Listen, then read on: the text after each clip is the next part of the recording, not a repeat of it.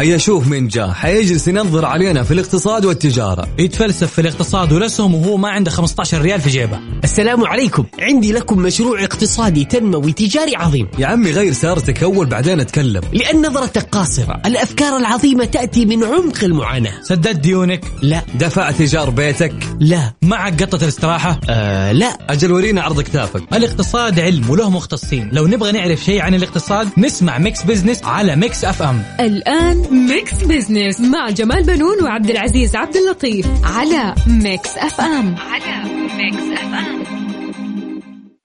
Mix Business مع جمال بنون وعبد العزيز عبد اللطيف على Mix FM. على Mix FM.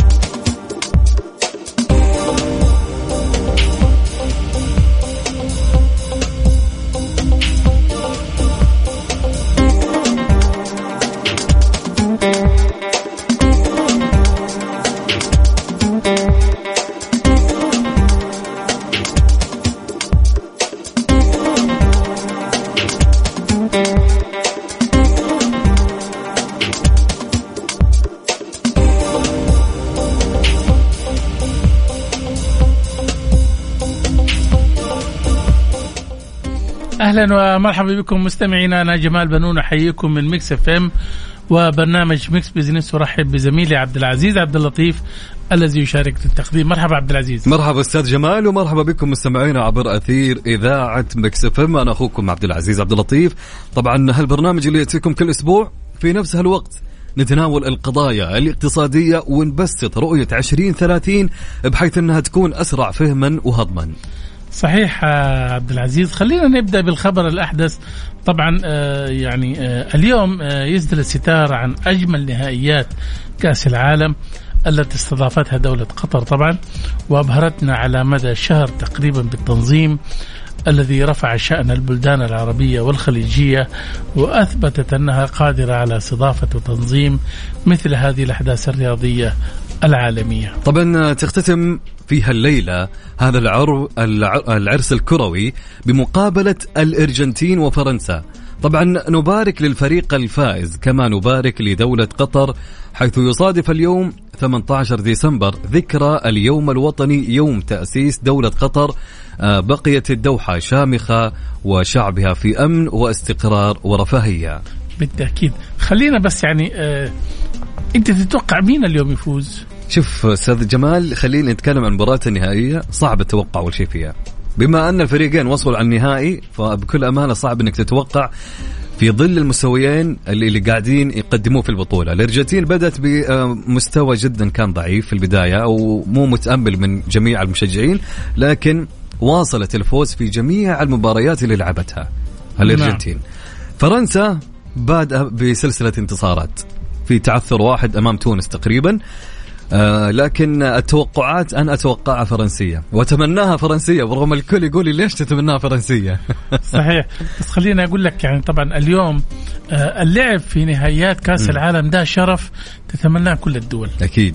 وإنك توصل إلى يعني مرحلة تتنافس فيه من ضمن ال 32 فريق وبعدين 16 وأشياء زي كذا هذا يعتبر إنجاز عظيم. فلما توصل الفرق هذه إلى هذه المستويات فبالتأكيد زي ما أنت تفضلت قلت صعب إنك أنت يعني ترشح مين.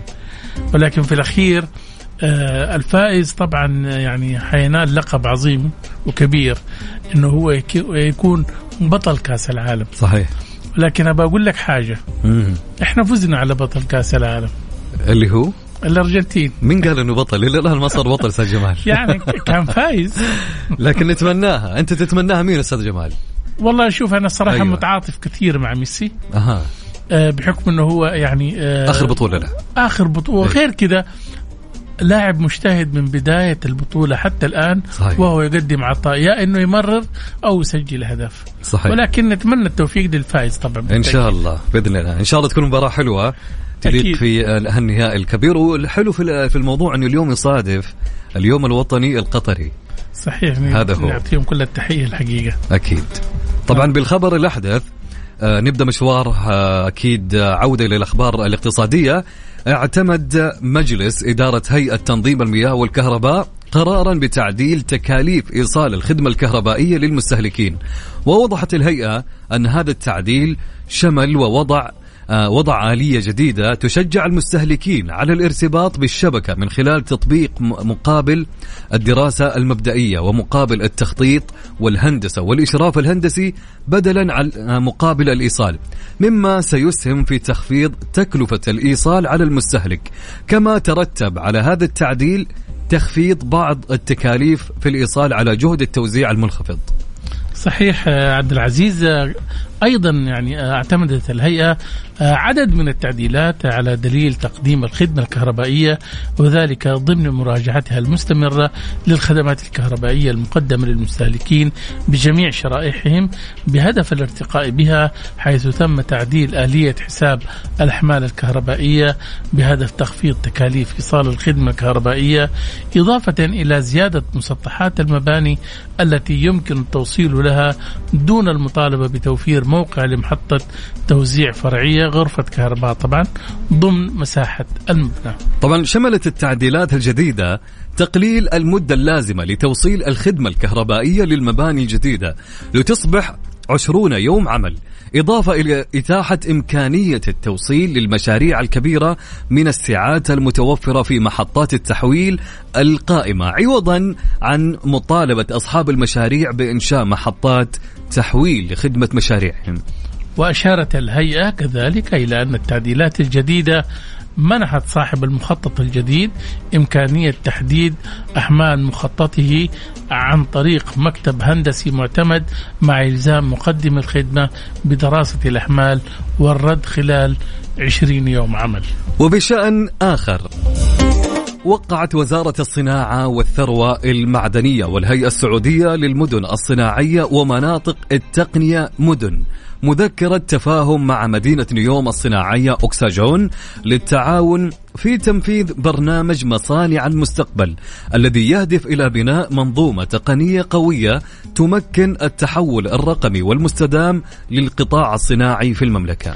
طبعا عبد العزيز البرنامج هذا يهدف آه، مصانع المستقبل إلى تقديم آه، الجاهزية التشغيليه للمصانع الوطنية من خلال منهجية سيري التصنيعية وتحويل أكثر من 4000 مصنع إلى مصانع متقدمة بجودة أعلى من خلال الأتمتة والكفاءة المعززة بما يسهم في رفع القدرة التنافسية للصناعات السعودية. طبعا آه، تركز على تطوير التشريعات والحوافز والممكنات الداعمة للبرنامج وتقديم الحلول لتحقيق الابتكار الصناعي في المملكة.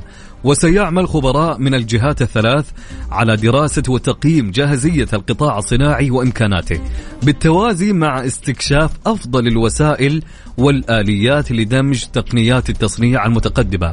مثل الذكاء الاصطناعي والطباعة الثلاثية الأبعاد والإنترنت والأشياء في الصناعات التحويلية. ومن خلال مذكرة التفاهم ستقدم مدن الدعم لتوفير المواقع وكذلك اختيار المصانع المؤهلة للمشاركة في المرحلة التجريبية وسيجري فريق متخصص من أكسجون تحليلا شاملا ويحدد خريطة الطريق آه، وخطة العمل لتنفيذ مبادرة مصانع المستقبل. إذ من المتوقع أن يسهم هذا التعاون المشترك في تعزيز المحتوى المحلي وتوطين السلع الاستراتيجية والترويج للصناعات الوطنية. طبعا تعد أكسجون التي تم إطلاقها في نوفمبر في 2021 نموذجا صناعيا غير مسبوق حيث تنسجم مسارات الأعمال والصناعة والمعيشة مع الطبيعة. وبعيدا عن الصورة التقليدية للمدن الصناعية وستكون أكسجون موطنا للصناعات المتقدمة والنظيفة في نيوم وتضم مركزا للأبحاث والابتكار.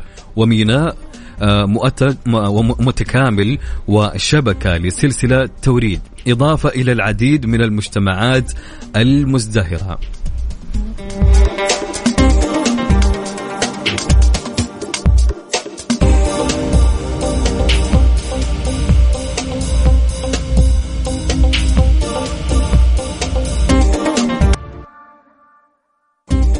Business مع جمال بنون وعبد العزيز عبد اللطيف على Mix FM على Mix FM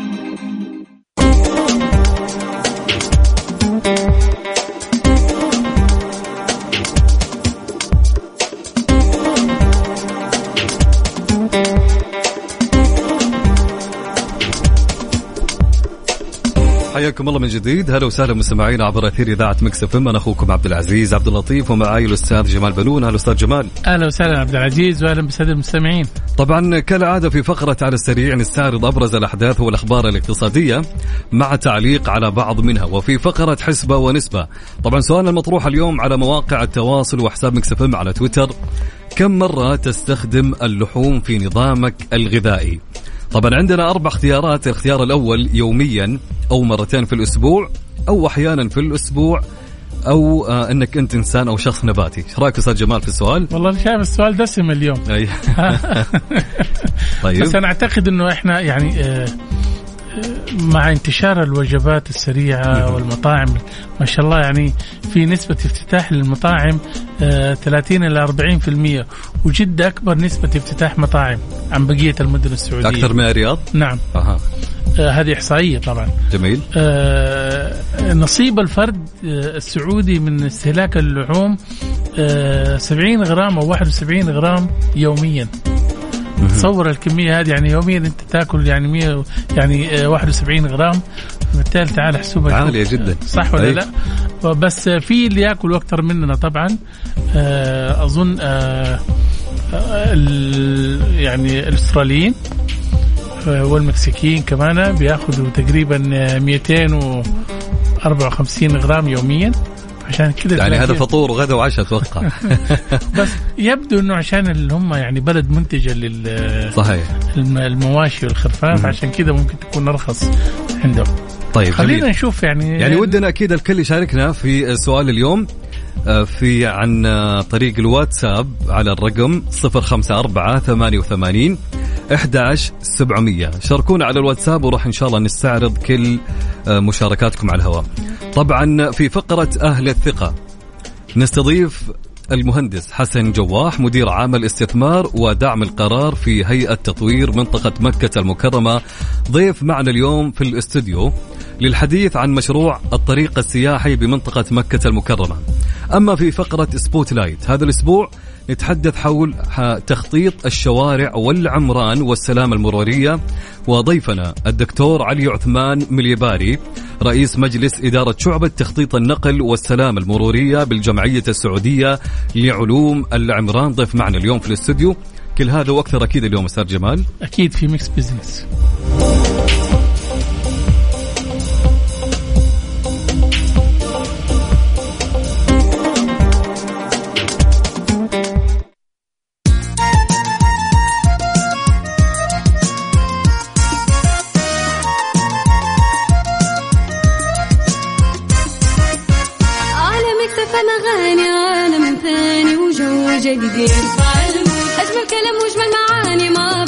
برمجنا راح تلقى فلة ملها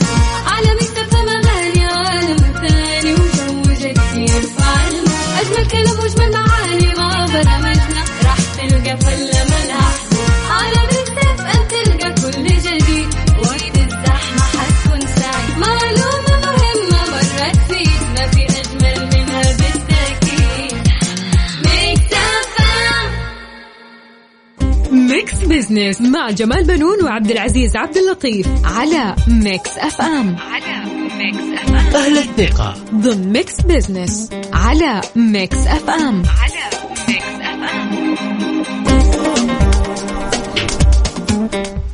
عدنا لكم من جديد مستمعينا في Mix Business طبعا معي زميل عبد العزيز عبد اللطيف. نرحب بكل المستمعين الجدد. مرحبا عبد العزيز. مرحبا أستاذ جمال. أهلا وسهلا فيك.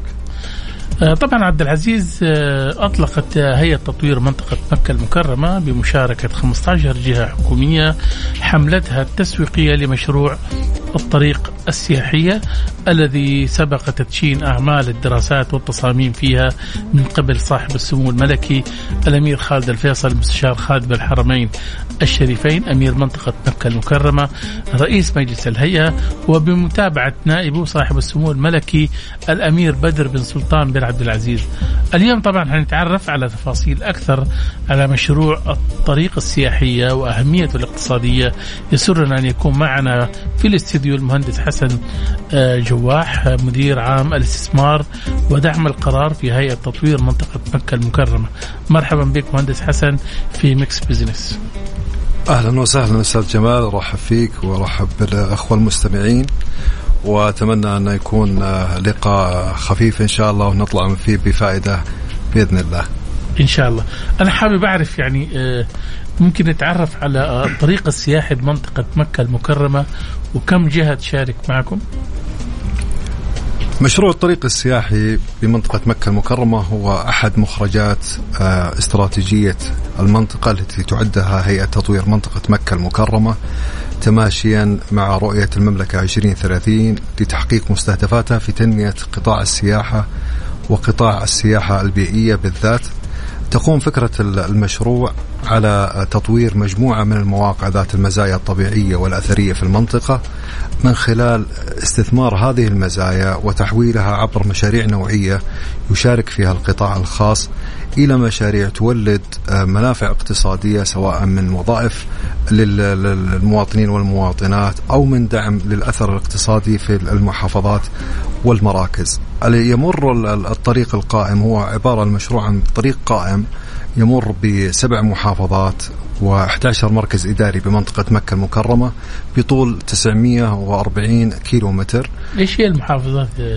عندنا مجموعة من المحافظات تبدأ انطلاقا. طبعا عندنا مجموعة من المواقع تتنوع ما بين مواقع قائمة ومواقع مطورة جزئية مواقع تحتاج إلى تطوير بالكامل انطلاقا من محافظة جدة مرورا على محافظة الليث إلى محافظة ميسان وحتى صعودا إلى الشمال إلى محافظة الجموم ثم الكامل وخليس ومراكز التابعة لها. الطريق يضم تنوع آه، كبير في تضاريسه اليوم المنطقة تحتضن تنوع كبير آه، ما بين الساحل ما بين الجبل ما بين الصحراء مما يصنع تجربة فريدة للزائر عبر هذا الطريق وبالتالي اليوم نستهدف من خلال هذا المشروع آه، تطوير المواقع بما يتناسب مع تطلعات الزائر سواء من داخل المملكة أو خارجها عبر خلق منظومة متكاملة في هذه المواقع. جميل. آه، مهندس حسن أهمية آه، الطريق السياحي وأثر الاقتصادي على منطقة مكة المكرمة؟ الحقيقة المواقع اليوم هي عبارة عن ثروات طبيعية. آه، لنا اليوم هدفين رئيسيين في من خلال عملية التطوير. عندنا البعد البيئي هو الهدف البيئي في المحافظة على هذه المواقع وحماية الموائل الطبيعية فيها وإعادة توطين بعض الحياة الفطرية آه، فيها. والبعد الآخر والهدف الآخر هو هدف اقتصادي من خلال دعم الأنشطة الاقتصادية بمحافظات المنطقة وتوليد الوظائف الجيدة للمواطنين والمواطنات وإشراك القطاع الخاص في المشاريع التنموية. اليوم المشروع آه، تم الانتهاء من مرحلة الأولى. تضمنت مجموعة من الدراسات الفنية والمالية والمتخصصة لموقعين. الموقع الأول في محافظة الليث موقع العين الحارة والموقع الآخر في محافظة ميسان اللي هو موقع المنتزه البري. آه نتطلع بإذن الله بحلول آه 2030 أن يساهم تطوير هذا الموقعين في إضافة أكثر من 150 مليون ريال للناتج المحلي الإجمالي وتوليد أكثر من 990 وظيفة مباشرة وغير آه، مباشرة. سيما أنه اليوم المشروع يعتبر آه، جاذب لقطاع المستثمرين بحسب الدراسات التي عملت من قبل الهيئة. طيب أنتم الآن يعني بداتوا في المشروع ولا لسه قائم على الدراسات؟ اليوم تم الانتهاء من مرحلة الدراسات وهو الآن في مرحلة الطرح بالشراكة مع أمانتي جدة والطائف آه بإذن الله بنهاية الربع الأول آه من 2023 حيتم الانتهاء من عملية الترسية آه للمشروع. ونتوقع بإذن الله أن يتم استكمال أعمال التنفيذ والتشغيل بحلول الربع الثاني من 2025 بإذن الله. جميل. مهندس حسن العائد الاستثماري من تشغيل الطريق السياحي بمنطقة مكة المكرمة. والله مثل ما قلت لك اليوم ال ال الهدف خلق منظومة متكاملة. عندنا اليوم في المنطقة مجموعة من المواقع اللي حبانا الله فيها آه، ما بين مناطق للسياحة الاستشفائية ما بين مناطق لممارسة الرياضة ورياضة المغامرات. آه، اليوم عندنا تنوع ما بين التضاريس وتكاملها. هذا كله يخلق تجربة آه، للزائر وجذب للزوار.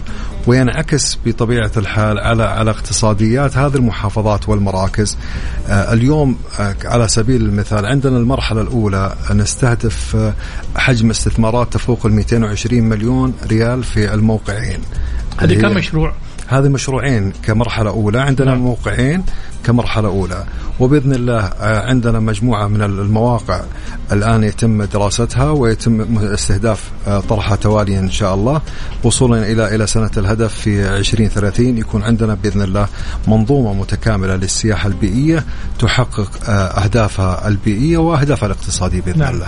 يعني أنا يعني هل من الممكن القطاع الخاص حيلعب فيه دور كبير طبعا فيه نعم. تنفيذ المشروعات القطاع الخاص هو شريك أساسي في عملية التنمية واليوم حرصنا أنه نفعل الشراكة بطريقة عملية اليوم تتولى هيئة تطوير منطقة مكة المكرمة جانب من ال ال ال الشراكة هذه وتحمل التكلفة والمخاطر الاستثمارية عبر عمل الدراسات سواء الفنية أو الدراسات الجدوى الاقتصادية والمالية أو الدراسات المتخصصة. اليوم نعمل على استقطاب القطاع الخاص وقطاع المستثمرين على مشروع ذو ملامح واضحة واضحة من من حيث العوائد الربحية واضحة من حيث الاستدامة على كافة الصعد.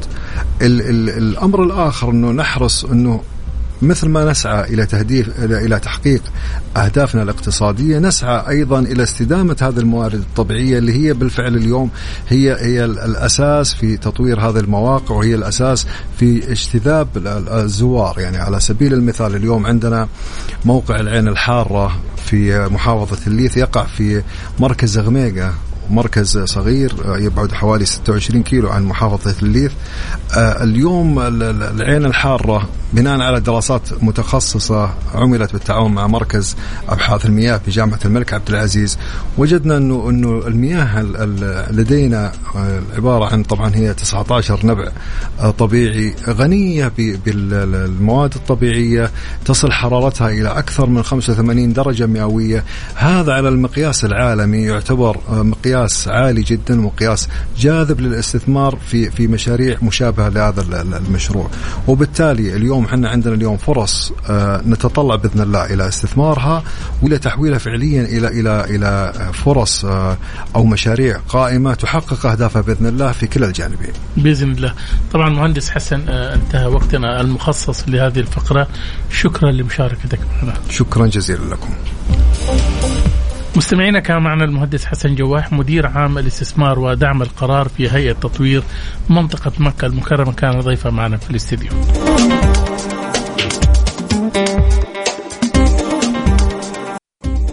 Business مع جمال بنون وعبد العزيز عبد اللطيف على Mix FM على Mix FM على السريع. ضمن Mix Business على Mix FM على Mix FM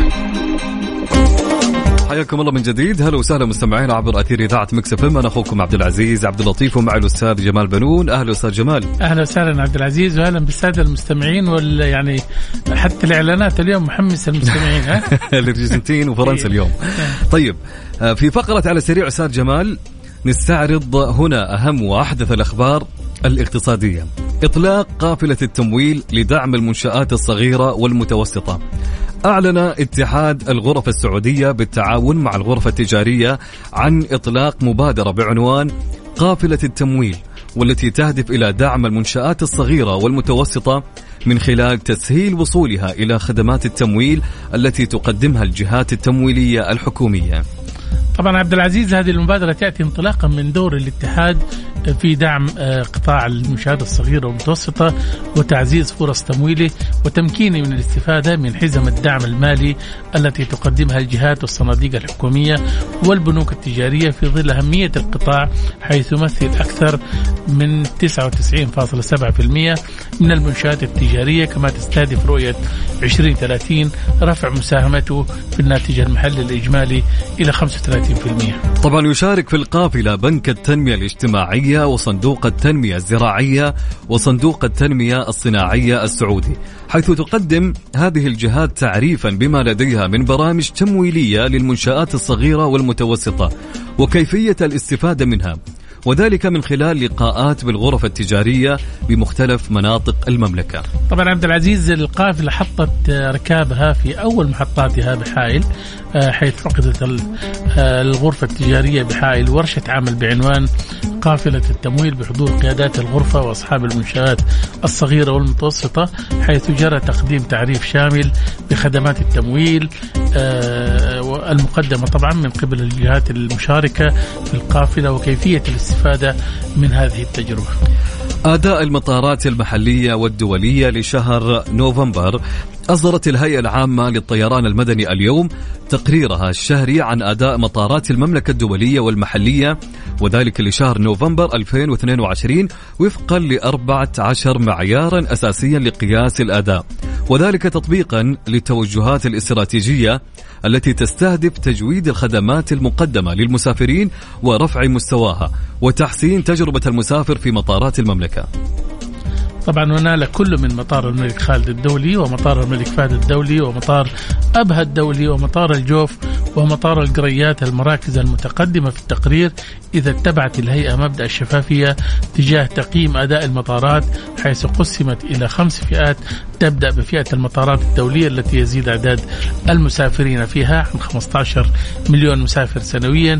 وحصل مطار الملك خالد الدولي بالرياض فيها على المركز الأول بنسبة التزام بلغت 73% بينما جاء ثانيا مطار الملك عبد العزيز الدولي بجدة بنسبة التزام وصلت إلى 64% طبعا في الفئة الثانية للمطارات الدولية التي يأتي فيها أعداد المسافرين من 5 إلى 15 مليون مسافر سنويا حصل مطار الملك فهد الدولي على المركز الأول بنسبة 91% فيما حصل مطار الأمير محمد بن عبد العزيز الدولي على نسبة 82% وفي الفئة الثالثة للمطارات الدولية التي يأتي فيها أعداد المسافرين من 2 إلى 5 ملايين مسافر سنويا حصل مطار أبها الدولي على المركز الأول بنسبة التزام 100% فيما جاء مطار الملك عبد الله بن عبد العزيز بجازان ثانيا بنسبة التزام 88% أما مطار الجوف طبعا حصل على المركز الأول في الفئة الرابعة للمطارات الدولية التي تقل فيها أعداد المسافرين عن مليوني مسافر سنويا بنسبة التزام 100% متفوقا على المطارات المنافسة في مجموع متوسط أوقات الانتظار لرحلات المغادرة والقدوم. وفي الفئة الخامسة للمطارات الداخلية حصل مطار القريات على المركز الأول حيث حقق نسبة 100% متفوقا على جميع المطارات المنافسة في مجموع متوسط أوقات الانتظار لرحلات المغادرة والقدوم. طبعا عبد العزيز خبرنا الأخير اليوم ميتا تدعم المنشآت الصغيرة والمتوسطة؟ وهذا الخبر طبعا يهم المنشآت الصغيرة والمتوسطة. يقول لك الخبر بالشراكه بين وزارة الاتصالات وتقنية المعلومات والهيئة العامة للمنشآت الصغيرة والمتوسطة منشآت.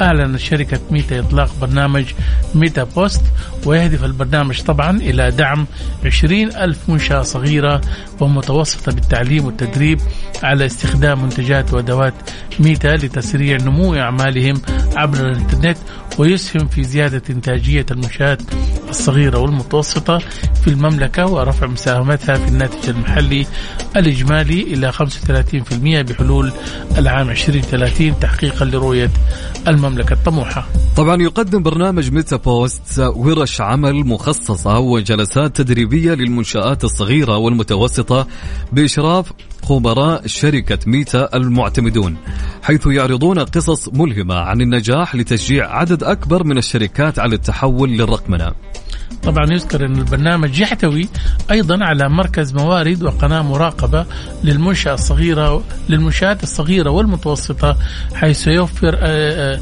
سيوفران إمكانية الوصول إلى مجموعة من الأدوات المجانية ومقاطع الفيديو التدريبية عند الطلب. طبعا إلى جانب مجموعة من أفضل استراتيجيات التسويق الرقمي مباشرة من خبراء ميتا. طبعا أستاذ جمال ستحصل الشركات الصغيرة والمتوسطة أيضا على الدعم في كيفية تعزيز الوعي بالعلامة التجارية والوصول إلى المزيد من العملاء وأفضل الطرق لتفعيل حملات التجارة الإلكترونية الناجحة.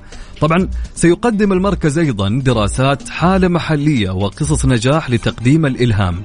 آه، أيضا آه، آه، بالإضافة إلى جلسات تدريبية مباشرة خلال الأشهر المقبلة مقدمة من قبل مختبرات AstroLabs. صحيح spotlight ضمن Mix Business على Mix FM على Mix FM حياكم الله مستمعينا عبر أثير إذاعة Mix FM أنا أخوكم عبد العزيز عبد اللطيف ومعي الأستاذ جمال بنون. أهلا أستاذ جمال. أهلا وسهلا عبد العزيز وأهلا بالسادة المستمعين. طبعا في فقرة spotlight يلوم البعض أن شوارعنا وتخطيطها العمراني أسهمت بشكل كبير في الحوادث المرورية التي نراها. ومعها رفعت أسعار التأمين على المركبات. ما بين طرقات لا تتوفر فيها السلامة ومداخل ومخارج غير منظمة. أثر هذه الطرق الغير منظمة على اقتصاد المركبات والتأمين. يسرنا أن يكون معنا في الاستوديو الدكتور علي عثمان مليباري رئيس مجلس إدارة شعبة تخطيط النقل والسلامة المرورية بالجمعية السعودية لعلوم العمران. ضيف معنا في الاستوديو. مرحبا فيك دكتور علي. أهلا وسهلا. أهلا وسهلا. عبد العزيز وتحيات الاستاذ جمال والأستاذ المستمعين والمستمعات. دكتور علي حدثنا في البداية هل تخطيط مدننا وشوارعنا يساهم في حوادث السيارات؟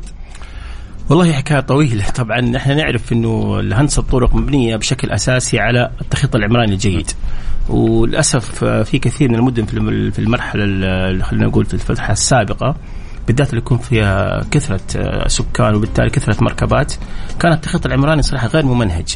وليس مبني على شيء يعني علمي مدروس بحيث انه يكون هناك في توسع في المراحل المقبلة، وهذا ما شفناه على سبيل المثال عندنا في جدة هنا مثلا. على سبيل المثال بنشوف هناك في بعض الأحياء بتتوسع عندنا بتكثر الأحياء في الشمال أو في الشرق أو في الغرب حسب خريطة جدة واتساعها.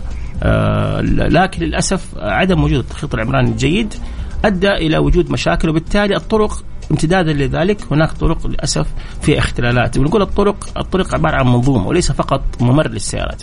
السيارة وجدت لتسهيل الطريق للانسيابية يعني أخرج من بيتي للمكان وأرجع لبيتي بسرعة وانسيابي قبل كل شيء يكون في سلامة.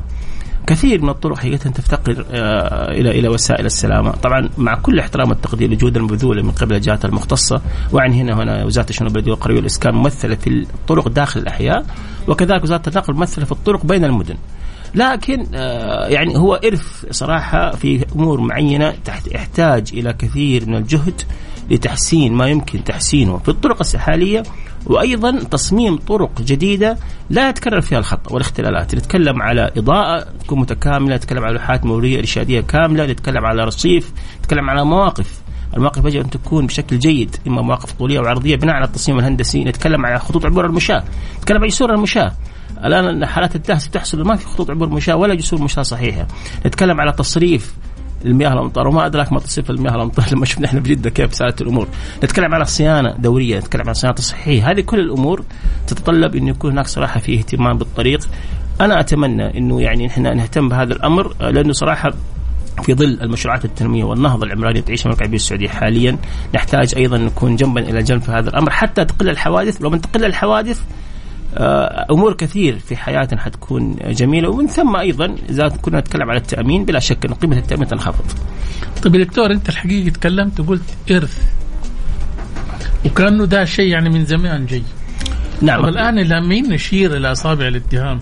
يعني هل بق- فقط الأمانة ولا في جهات ثانية معها؟ شوفوا أستاذ جمال التصميم الهندسي يأتي دائما من منفذ الطريق، طبعا إحنا نقول عن مشروع معناته هناك تخطيط تصميم تنفيذ ومراقبة ومتابعة. التخطيط لا عندما لا يكون جيد معناته آه، التصميم حيشوبه نوع من الاختلال وبالتالي التنفيذ حيتأثر فما بالك إذا كان التنفيذ جيد على سبيل المثال وليس هناك متابعة مراقبة مثل ما ذكرنا صيانه دوريه أو صيانة تصحيحيه ربما هذا الأمر يزداد يصير سيء ومن سيء إلى اسوء. آه، آه، الطرق داخل المدن مسؤولية وزارة الشؤون البلدية والقروي. ولما نقول وزارة الشؤون البلدية والقروي والإسكان عندما تخطط لطريق معناته هي أساسا خططت للعمران، العمران هذا الحي. فيجب أن تكون هذا التخطيط متكامل. من ضمنه يكون هناك طرق صحيح صحيح صحيحة موجودة داخل الأحياء. ولما نتكلم عن الطرق هناك في تصميم هندسي. طبعا هنا خلينا نشير نقطة مهمة.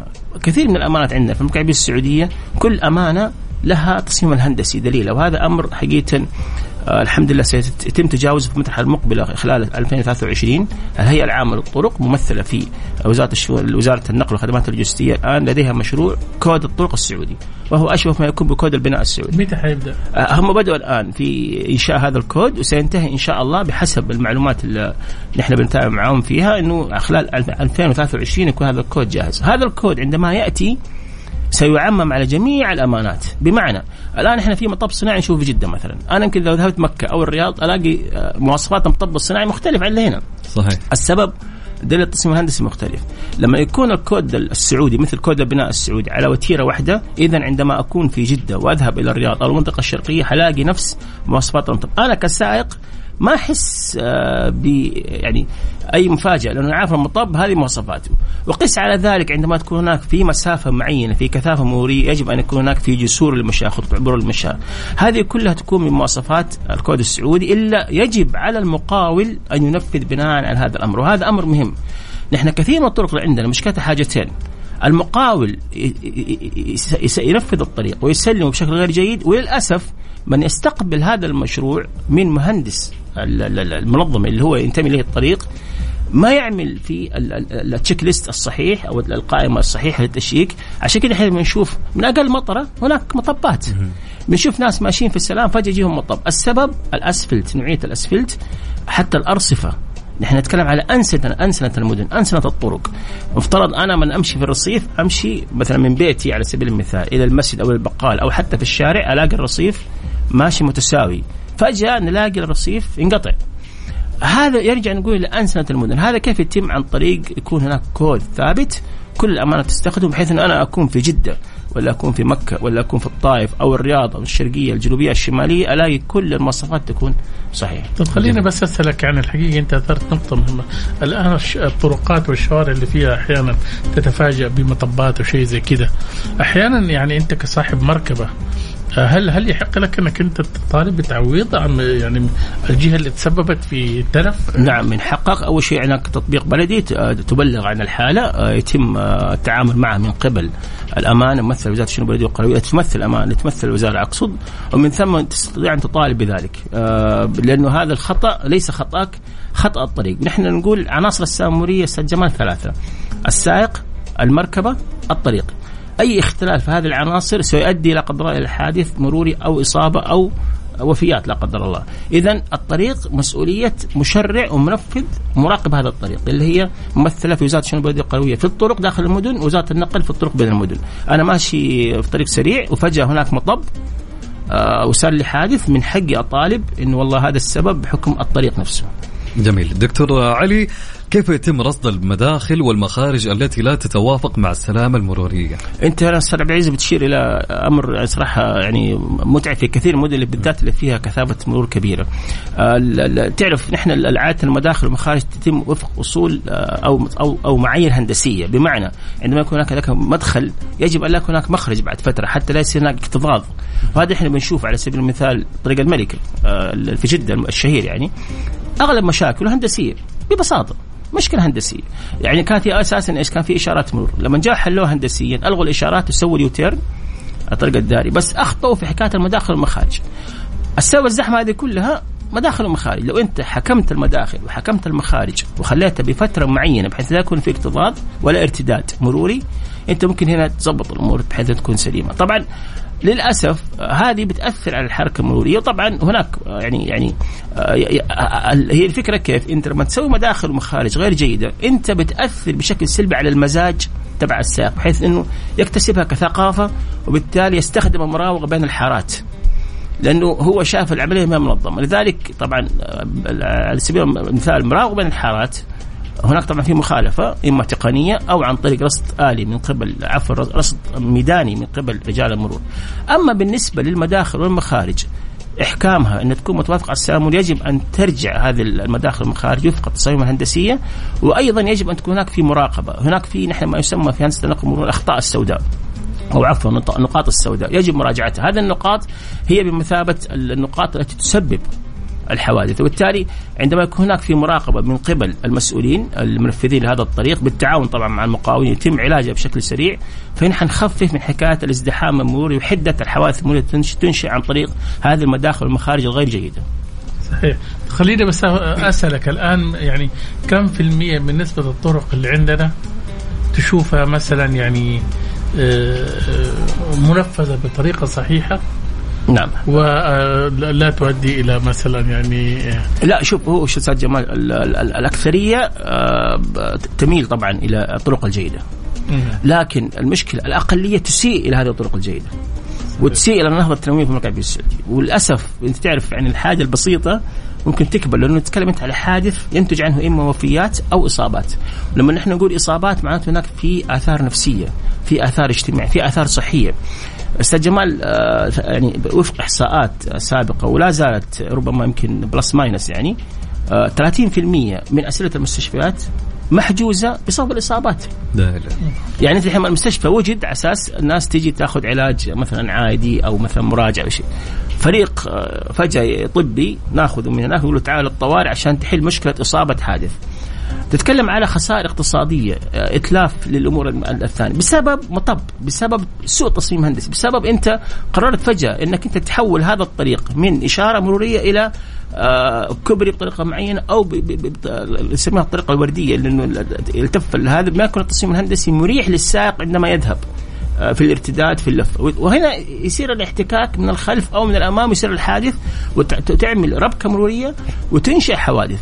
هذه كلها يمكن جزئيات بسيطة في طريق واحد يؤثر على منظومه مروريه متكامله دكتور. إحنا نقول في المملكة عفوا أستاذ عبد العزيز آه، الكثافة المروريه بتكثر ليه؟ لأنه الكثافه السكانيه بتزيد والقوه الشرائيه زايدة. وبالتالي احتمالية شراء السيارات بشكل كبير حيزداد. ناهيك انه عنصر النساء الآن موجود. اذا آه، الموقع بالسعوديه الان تعتمد حاليا إلى الآن على وسائل النقل وسيلة النقل الوحيدة اللي هي السيارة داخل المدن. إن شاء الله المترو في الرياض حيكون شغال كمرحلة تجريبية أولى في السنة القادمة كمرحلة اولى عفوا ومن ثم بعض المدن. لكن طالما بنستخدم السيارة معناته أنت يجب أن تكون مستعد إنه تقلل من حوادث الوفيات. جميل. طب دكتور علي عدم تخطيط طرقنا هل يرفع قيمة التأمين على المركبات؟ آه، طبعا عدم التخطيط يؤدي إلى وجود إصابات حوادث يؤدي إلى رفع التأمين على المركبات.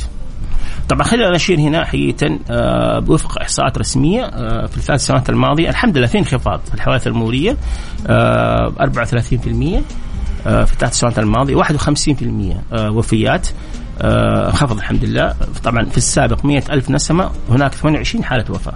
مئة ألف نسمة هناك 13 ونص حالة. وفاة هو أظن انخفضت السرعة ولكن الأخطاء الفنية موجودة. ما أظن. الآن الآن هذا كرقم شمولي إنه انخفضت الحوادث. لكن لما نقول حادث مروري يظل حادث مروري. الإصابات التفاصيل حقتها هنا يأتي عند تقرير شركة نجم أو المرور ربما حادث واحد عن لا قدر الله أربع حوادث. معناته الهاجس لا, لا زال مستمر وبالتالي كل ما كانت هناك حوادث كل ما هناك حيكون في ارتفاع صحيح. في أسعار التأمين. لذلك هي معادلة. كل ما خفضت الحوادث وتفاصيل هذا الحادث يعني ربما حادث واحد أنت تسجله في يوم لا قدر الله يكون إصابة فيه لأربع أشخاص. نعم. بينما يمكن عشر حوادث تسجلها يمكن تكون إصابات بسيطة. نوعية الحادث بناء على تفاصيل للأسف موجودة على الطريق أو المركبة أو السائق اللي قلنا هم عناصر السلام الثلاثة. آه طيب آه، دكتور علي كم يخسر من وجهة نظرك قطاع التأمين من شوارعنا؟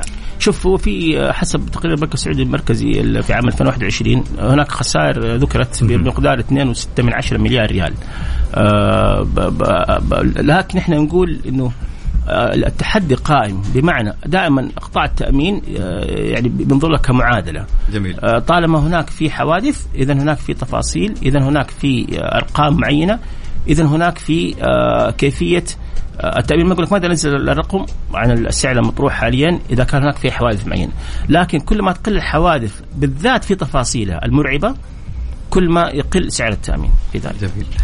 طبعا الحديث شيق معك دكتور علي الود ود انه يقعد معك ساعة وساعتين وثلاث. انت والمهندس حسن. لكن الوقت أهمنا وانتهى وقتنا المخصص لهذه الفقرة. شكرا لمشاركتك معنا. شكرا لك أستاذ عبد العزيز وتحياتي لك والأستاذ جمال وبرضه لصديق العزيز مهندس حسن.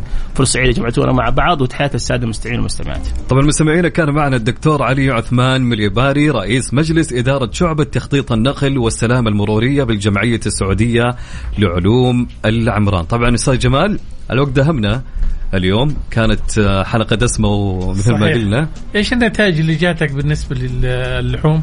طبعا آه، سؤالنا كان يقول أستاذ جمال آه، كم مرة تستخدم اللحوم في نظامك الغذائي يوميا أو مرتين في الأسبوع أو أحيانا في الأسبوع أو أنك إنسان نباتي؟ عندك معلومات على سؤال اليوم أستاذ جمال؟ صح أنا كانت عندي معلومات الحقيقة بس قبل ما أخذ المعلومات هذه للسادة المستمعين طالما عندنا ضيوف في الاستوديو خلينا ناخذ آه، نسمع رأيهم. طبعا معنا طبعا المهندس آه، الدكتور علي آه، أعطينا رأيك. لا هو شوف أنا أنا أنا أظبط أموري في اللحم بس مشكلتي في العزايم.